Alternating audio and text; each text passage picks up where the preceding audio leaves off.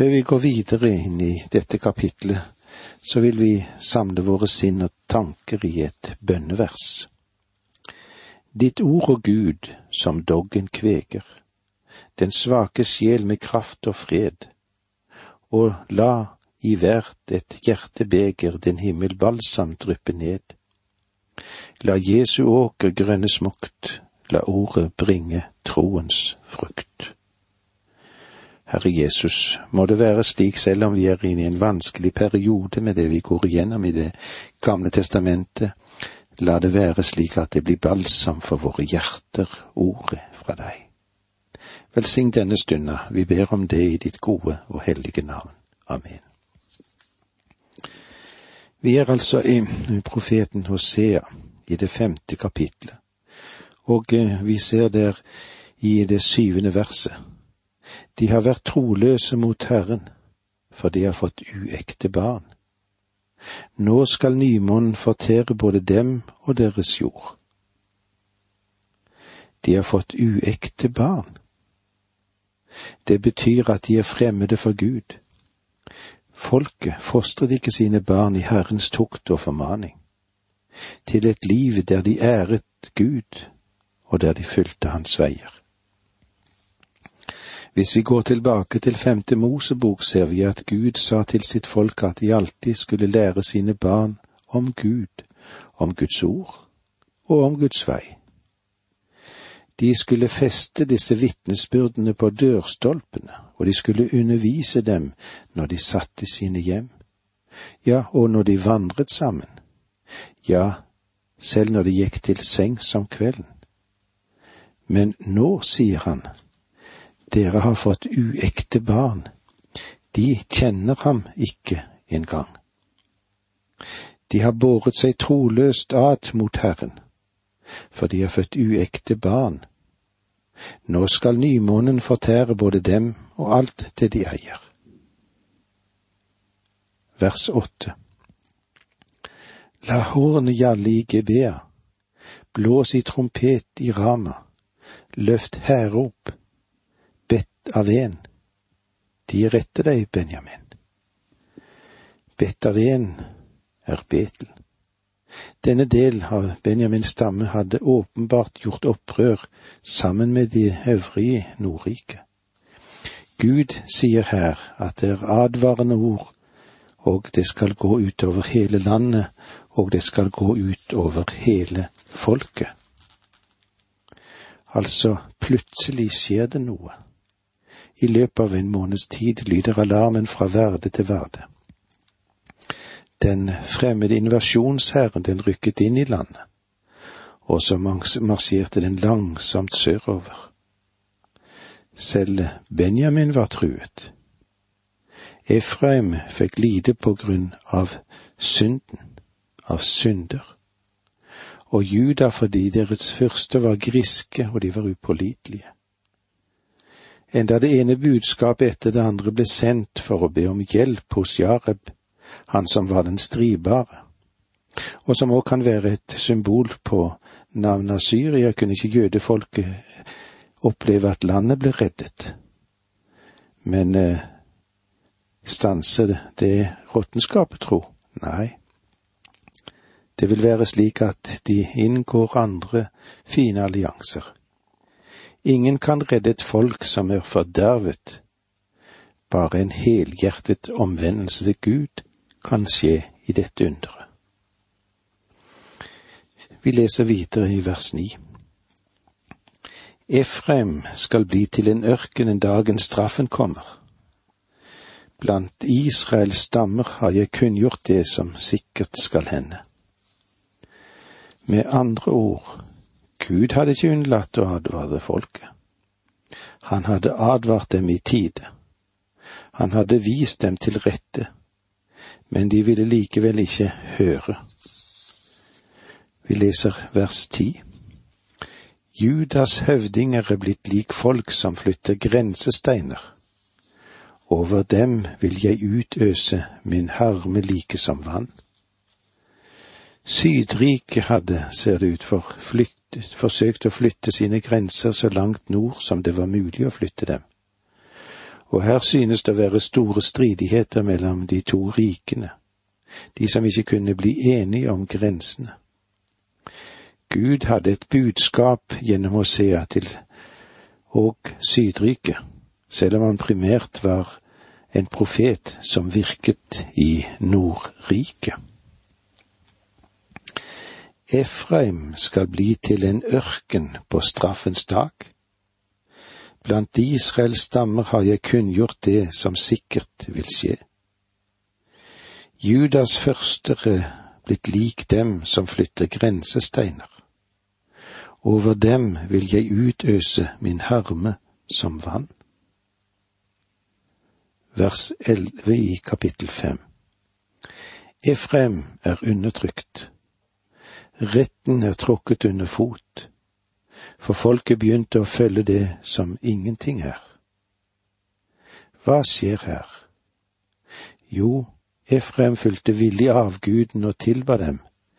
De fulgte massene. Vers tolv. Jeg er som verkesår for Efraim, som råttenskap for judastammen. Profetene, de bruker ordbilder som er ganske interessante.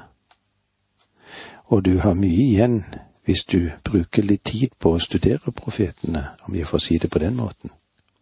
Fordi de fanger inn en rekke naturbilder som brukes i visse ordsammenstillinger, og som hjelper oss til å forstå Guds ord. Vi kan se det i forskjellige oversettelser hvor det er malende ord som jeg synes er bedre enn det som blir uttrykt i dette verset som vi har her. Vi kan jo ta dette om jeg er som møll for Efraim.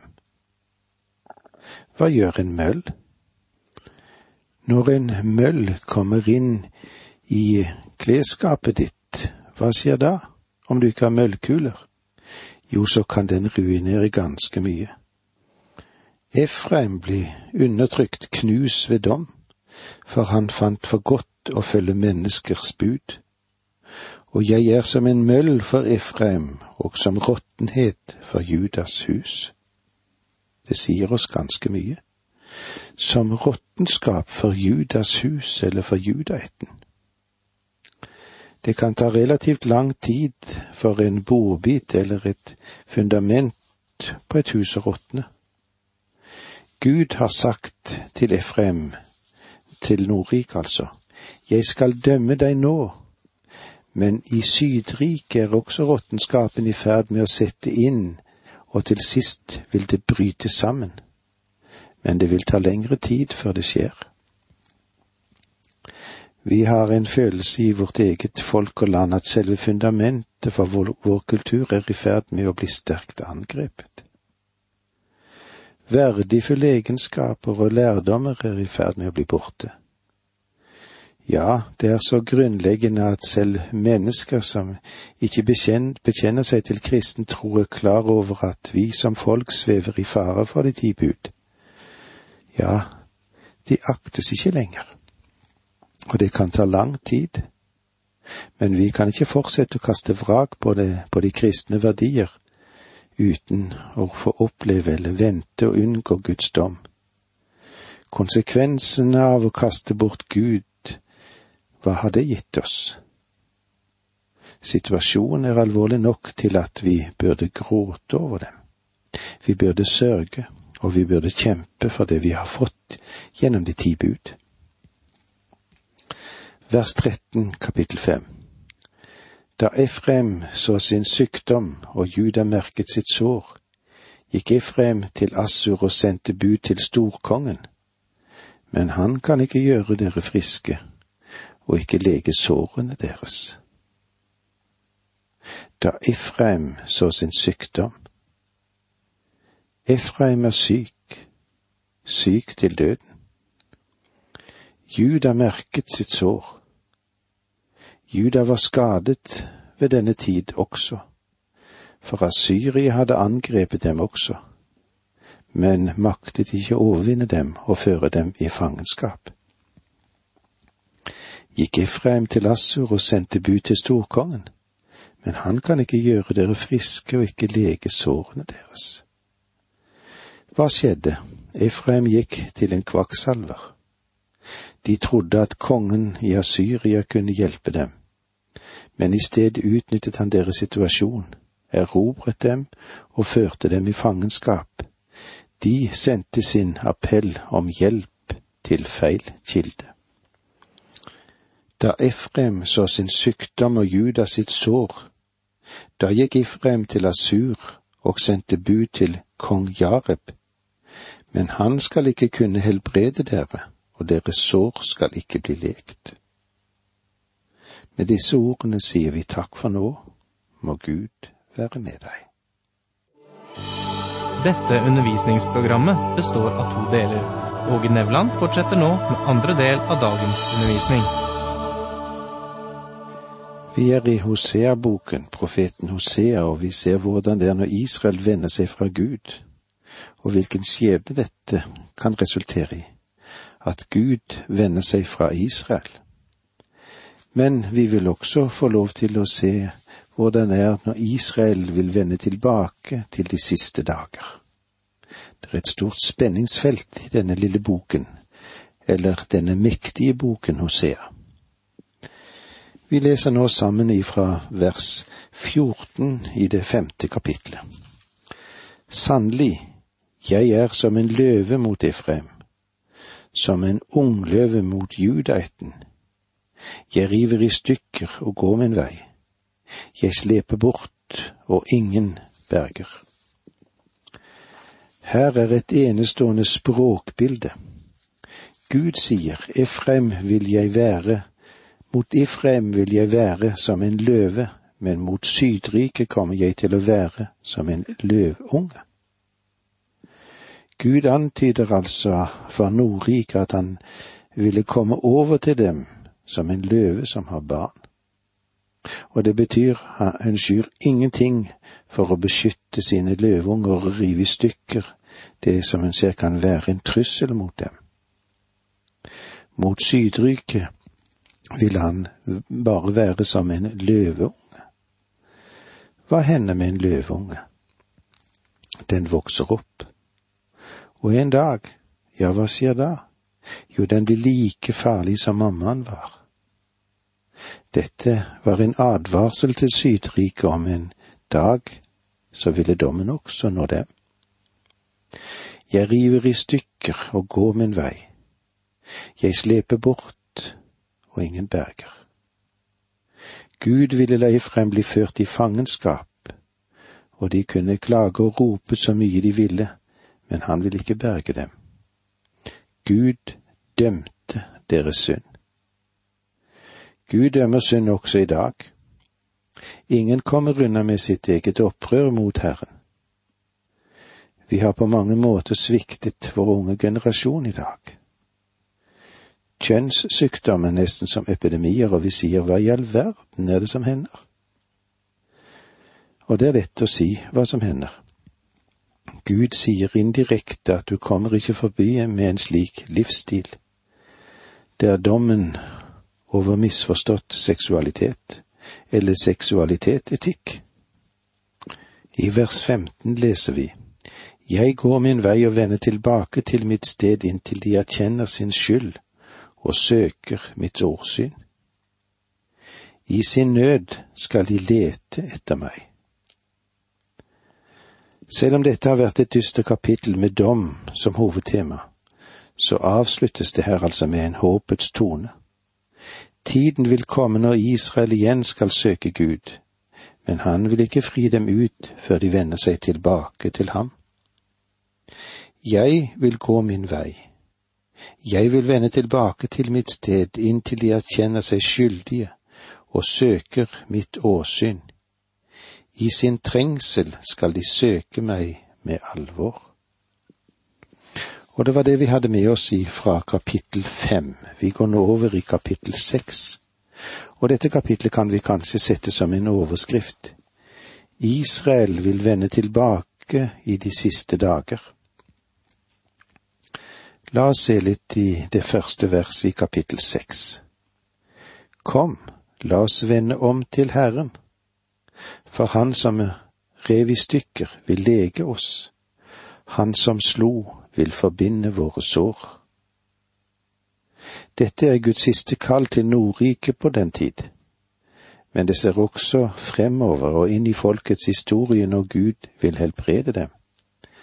Selv om han har revet dem i stykker, så har han til hensikt å lege dem. Dette er en advarsel om at Gud vil dømme ethvert folks synd, men samtidig være rede til å vise dem nåde om de vender om. La oss vende om til Herren. Du og du, Skriften den er full av innbydelser. Kom, la oss vende om. Dette åpningsverset som vi hørte her, den er sterk. Hånden som slo, det var Faderens, og han ventet på å få ønske den fortapte nasjonen hjem igjen, og han ønsket å lege dem. Når solen ser ut til å bli borte i horisonten, begynner vi å gå mot en ny dag. Neste dag den gryr som en morgen. Først når vi får et lite glimt, så er jo dagen der. Det er ikke solen som beveger seg mot oss, men vi beveger oss mot den. Når sjelen vender seg til Gud og er villig til å gjøre Hans vilje, da er man på vei mot lyset, som skal åpenbares i sin fulle styrke. Guds nåde sammenlignes med fruktbart regn, forfriskende og herlig. Kom, la oss vende om til Herren, for det er Han som har revet i stykker, men Han vil også lege oss. Han slo, men Han vil også forbinde oss. I vers to kapittel seks leser vi slik. Han vekker oss til liv etter to dager, den tredje dagen reiser han oss opp, så vi kan leve for hans ansikt.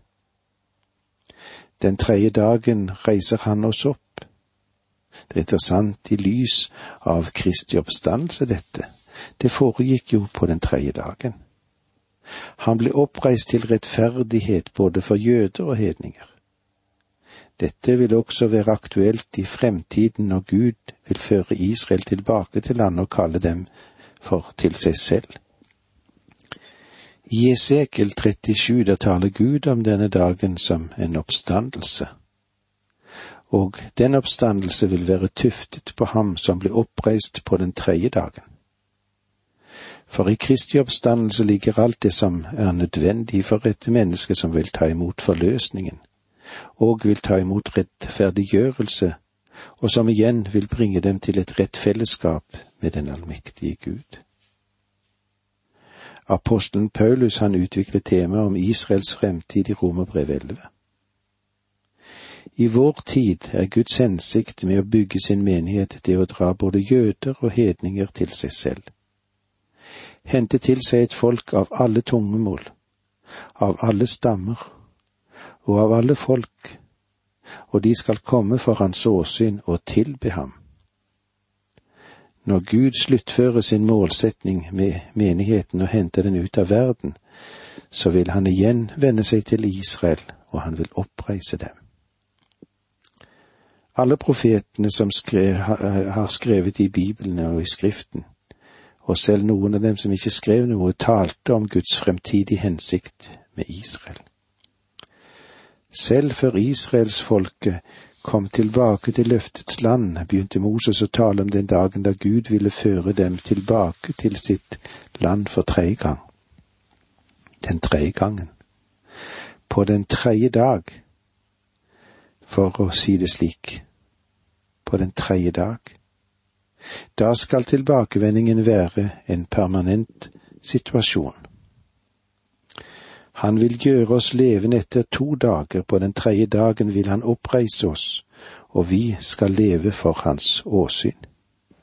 Vers tre, kapittel seks. La oss lære å kjenne Herren, la oss jage etter å kjenne Ham. Han kommer like viss som lys om morgenen. Han kommer til oss som regnet, lik vår regn som hveter jorden. Han kommer til oss som regn, lik vårregn som hveter jorden.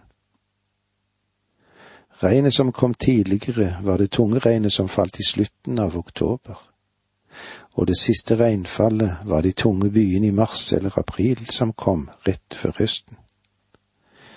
Det er de som påstår at det siste regnfallet har vendt tilbake til landet, men jeg tror ikke at verken det første eller det siste regnfallet er blitt Israel til del.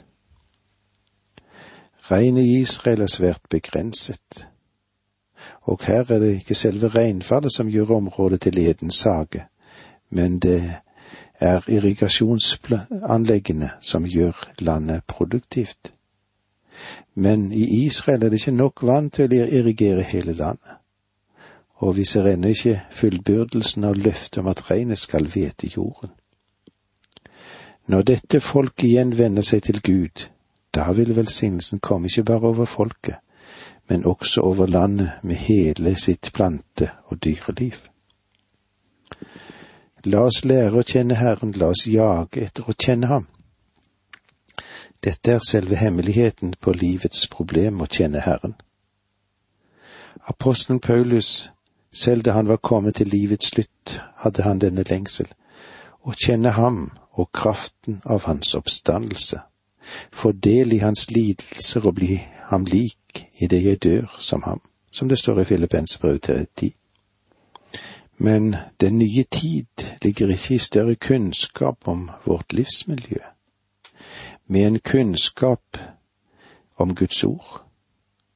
Guds ord, det er standhaftig, det, i den påstand, og det er enten rett eller galt. I mer enn tusen har Guds ord vist seg å tale sant, og jeg tror ikke at vår generasjon kan bevitne noe annet. Og med disse ordene sier vi takk for nå, må Gud være med deg.